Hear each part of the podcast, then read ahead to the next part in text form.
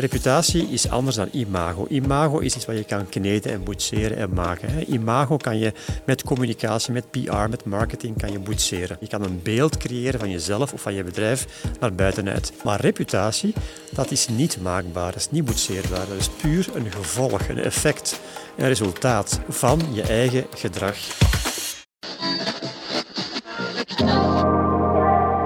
Dimitri Stuur van Motion Builders schuift aan tafel met gerenommeerde experten uit het veld van marketing, sales, communicatie en HR.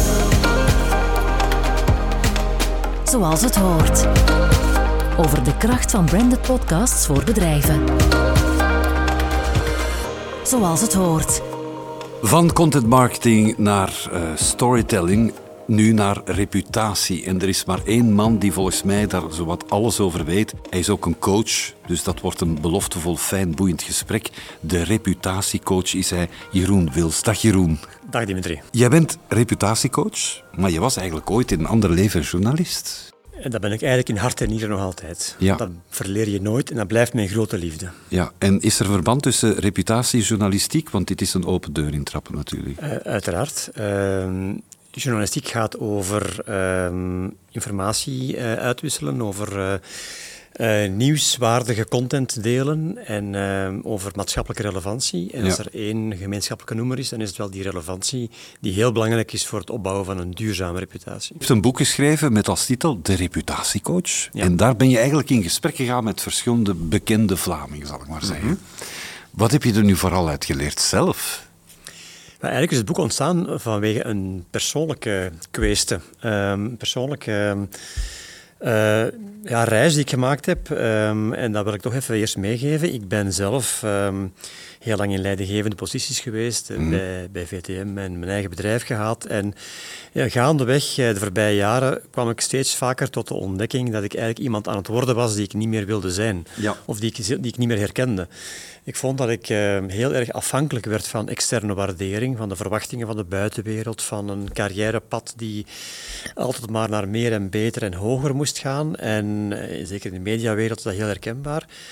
En um, ik weet dus ook van waar dat komt, hè, die, dat verlangen om graag gezien te worden. Maar ik werd daar een beetje slaaf van. En ik werd slaaf van die externe waardering. En ik werd iemand die ik van binnen eigenlijk niet meer, of niet was. En ik ben niet daarin... meer herkende eigenlijk. Je was een andere Jeroen. Die ik je niet... voelde het zo aan. Ik was mijn naamkaartje geworden. Ik was de ja. hoofdredacteur. Ik was de, de CEO.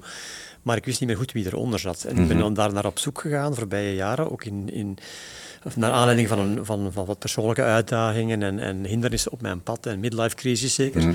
En uh, ik heb gemerkt dat ik uh, op zoek moest naar mijn eigen kern opnieuw. Ik ben naar binnen gedoken, ik ben gaan, gaan zoeken naar ja, wie ben ik eigenlijk zelf, wat is mijn moreel kompas, mijn zielsverlangers, mijn, mijn doel in het leven. En ik heb eigenlijk gemerkt dat, um, dat die zoektocht naar uw eigen kern, hè, die tocht naar uw eigen kern, zo belangrijk is om opnieuw wat men dan noemt authentiek te zijn of Mhm. integer te kunnen zijn. Um, en uh, net die twee elementen, authenticiteit en integriteit, zijn de basisvoorwaarden voor het opbouwen van een duurzame reputatie. Ja. Want wie niet uh, zichzelf kan zijn, die is zeer vatbaar voor reputatieschade. Je hebt het woord al laten vallen, authenticiteit. Vreselijk woord, hè? Ik vind het geen vreselijk woord, Jeroen, als ik eerlijk mag zijn. Maar wat ik wel vreselijk vind, is dat het zo'n platgetreden woord is. Ik bedoel, iedereen neemt het in de mond. En hoe meer ik het hoor, hoe minder ik het geloof. Wat is volgens jou, jij als reputatiecoach, authenticiteit? Waar draait het om bij die term? Dat is eigenlijk heel simpel. En de mensen die ik in mijn boek heb geïnterviewd, heb ik ook allemaal de vraag gesteld van wat is voor u de, uh, de basis van een goede reputatie? Uh, als je jezelf anders voordoet dan je bent, dan ben je heel vatbaar voor reputatieschade. En authenticiteit is jezelf je voordoen zoals je echt bent. Heel radicaal, eerlijk en open en transparant en integer zijn. En voor mij is integriteit misschien nog een belangrijker woord. Hmm. En dat is, um, ik wil niet belerend zijn, maar we zijn allemaal mensen die zich aanpassen, die wendbaar zijn, die vloeibaar worden en die soms wel niet altijd heel erg open en eerlijk en, uh, ja. en echt zijn. En uh, ik pleit ervoor voor radicale integriteit in alles wat we doen. Niet alleen in, in werk of in, uh, in leiding geven, maar ook in, in, in, in het mens zijn in het algemeen. En dat is wellicht iets waar ik zelf ook heel vaak heb tegen gezondigd. Hè. En, Mhm. en, en, en, en zelf zeker niet altijd integer geweest, zeker niet in leidinggevende functies. Maar ik, uh, het is mijn streven om dat steeds vaker en meer en beter te kunnen doen. Niet altijd integer geweest, maar hopelijk toch wel toen je ten tijde journalist was en hoofdredacteur van uh, de nieuwsdienst. Zeker dan niet, denk ik. Oké. Okay, dit knippen we er niet uit. Nee, dat hoeft ook niet. Ik denk dat ik uh, heel vaak als leidinggevende dingen gedaan heb die misschien niet zo heel erg juist waren of, mm -hmm. of, um, of eerlijk was. Of, of verbindend was of zo naar mijn medewerkers toe. Uh, en, um, en het is door het, door het niet goed te doen dat je achteraf leert hoe het wel moet. Ja. Heb je zo ja, voorbeelden in je leven dat je zegt, Jeroen, dat zijn nu eens mensen die, ja, die zo authentiek zijn. Ik geloof ze helemaal, ze zijn integer, full option? Ja, er zijn er zeker en vast. De eerste naam die mij opkomt is uh, iemand die we allemaal kennen. Dat is um, Wouter Torfs, van, van, de, mm. de, de, baas van, van de, de schoenenketen. Het is iemand die ik, uh, die ik heb leren kennen en die echt is zoals hij ook is. Die, die heel erg zichzelf heel kwetsbaar, open en eerlijk toont. In alles wat hij doet, ook als leidinggevende, ook als bedrijfsleider, maar ook als mens. En uh, heel vaak heeft dat te maken met um, kwetsbaarheid. Ja. Um, en als leidinggevende u kwetsbaar opstellen is voor mij uh, een van de belangrijkste manieren om heel erg authentiek te kunnen zijn. En ik heb dat zelf ook meegemaakt um, in mijn eigen bedrijf. Als, als, ik heb een PR-bureau gehad en mm -hmm. op een gegeven moment ging ik door een hele moeilijke periode in mijn leven. Ik, ik, ik ging uh, na twintig jaar huwelijk uit elkaar met mijn uh, echtgenote en ja. ik, was het, ik was er helemaal van onder de voet. En ik dacht, ik kan twee dingen doen. Ik kan het volledig verzwijgen en ik kan doen alsof er niks aan de hand is. Mm. Ik kan de sterke leider blijven zijn die ik pretendeerde te zijn. Of ik kan naar mijn teamvergadering gaan en ik kan zeggen, beste mensen, het gaat niet goed met mij. Uh, ja. En het gaat, gaat, nog een tijdje niet goed met mij gaan. Uh, heb een beetje geduld met mij. Ik ga soms reageren dan, dan, eh, zoals jullie het niet leuk vinden. Ik ga soms uh, er niet helemaal kunnen zijn. alvast mijn excuses, maar ik ga dit even gewoon heel open met jullie delen. En dat heeft heel veel waardering opgeleverd en, en, en heel veel ruimte gecreëerd om mezelf te kunnen zijn. Is dat ook volgens jou, of voor jou, naar jou aanvoelen, de sterkte van podcasting? Dat je daar echt eens authentiek kunt zijn, heel intiem zijn, kwetsbaar opstellen? Ja, het heeft een beetje het effect van radio. Hè. Het is in een intimiteit, in een gesprek, uh, dat, uh, dat je in andere media misschien minder hebt. Als er beeld bij komt, en ik kom uit de televisiewereld, dan ga je veel, je heel anders voordoen. En ik vind het heel jammer dat heel veel podcasts nu ook camera's hebben en dat daar ook beeld wordt opgenomen.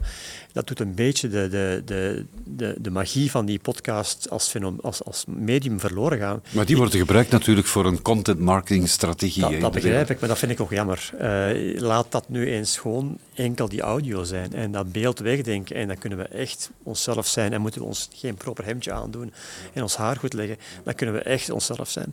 Maar ik vind podcast zeker een heel authentiek medium. Zeker de, de lengte van... Ik ben heel, een heel grote podcast-liefhebber en ik hou van lange podcasts waar mensen de tijd krijgen om hun verhaal te doen, mm. om, uh, om te vertellen, om te luisteren, om stiltes te laten, om emotie te tonen. Ja. En dat zijn net de elementen die, die maken dat iets heel authentiek wordt. Ik heb al spijt dat er camera's hangen hier in deze studio, Jeroen, want ik zat dan veel liever met jou aan de rand van het zwembad en te babbelen en te praten. Uh, want dat is dan ook een gesprek natuurlijk voor een podcast op dat moment. Of al wandelend, ja. Of al wandelend. Maar algemeen genomen zeg je van, um, is die, die...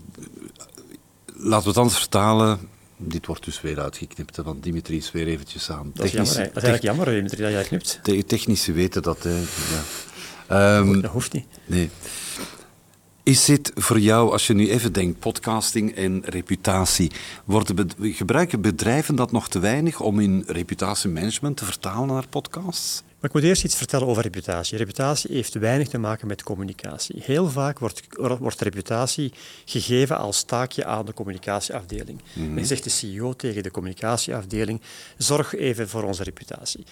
Reputatie is anders dan imago. Imago is iets wat je kan kneden en boetseren en maken. Imago kan je met communicatie, met PR, met marketing kan je boetseren. Kan je in een bepaalde richting duwen. Je kan een beeld creëren van jezelf of van je bedrijf naar buitenuit. Maar reputatie, dat is niet maakbaar, dat is niet boetseerbaar. Dat is puur een gevolg, een effect, een resultaat van je eigen gedrag. Ja. En van het gedrag van die CEO en van alle medewerkers van het bedrijf.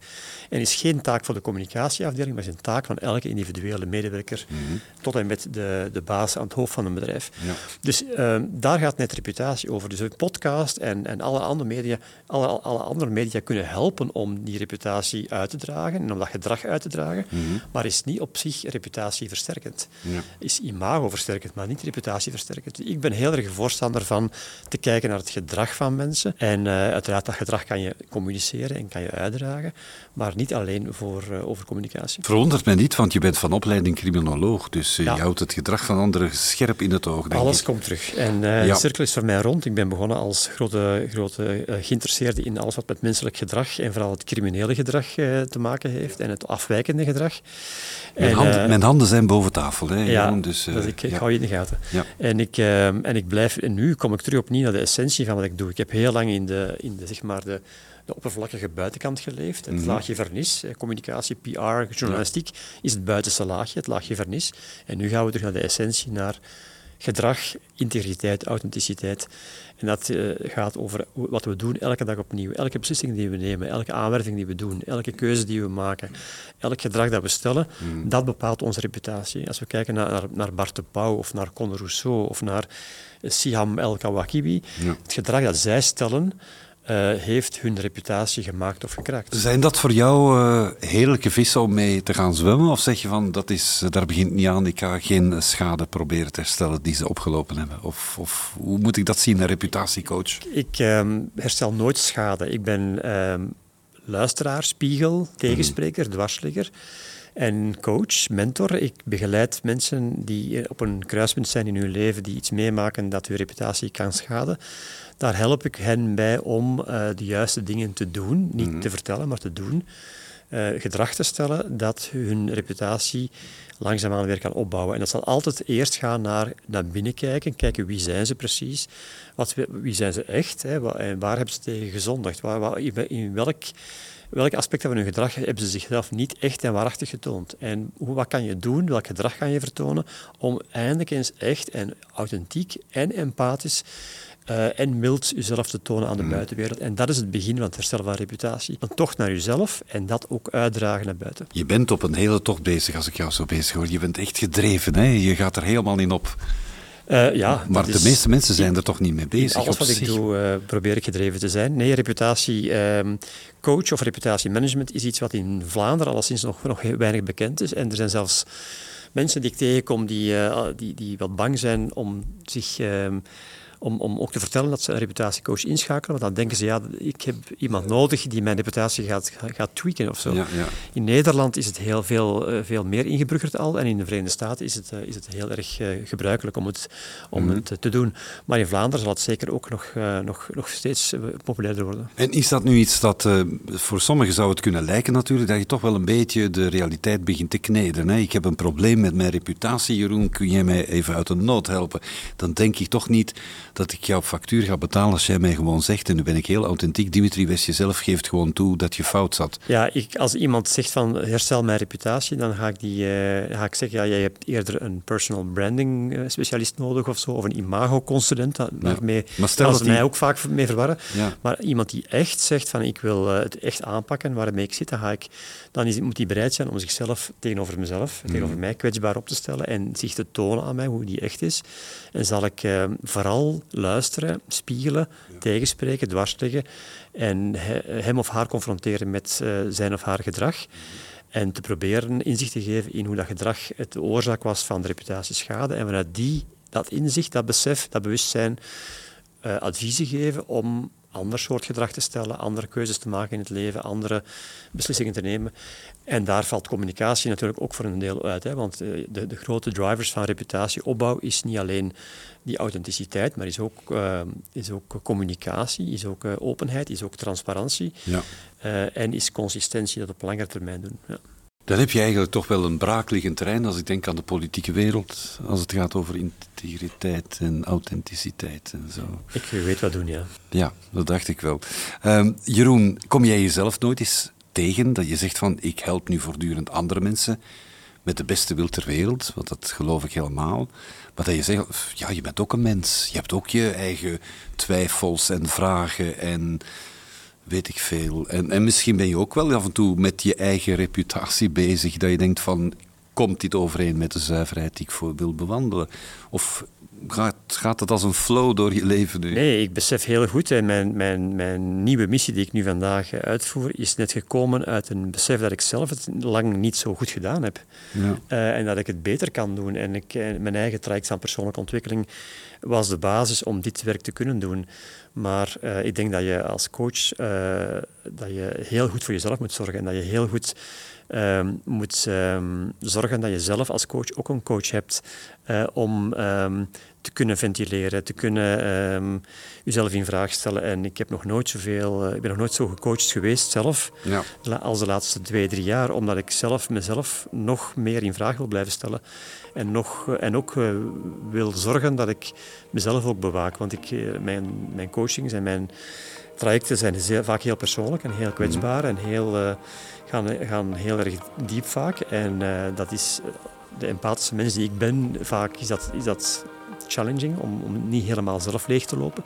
Dus ik uh, steek ook heel veel tijd in zelfzorg en in, uh, ja. in balans in mijn leven. Ja, je moet je niet in vraag stellen bij mij, Jeroen. Ik heb jouw vragen gesteld, want ik twijfel niet aan jouw kunde, jouw reputatie, jouw integriteit. Dankjewel voor dit fijne gesprek. Graag gedaan. Dit was Zoals het hoort. Ins en outs over zakelijk podcasten voor bedrijven. Voor externe en interne communicatie. Motion Builders. Connecting on a deeper level. Meer info op motionbuilders.be.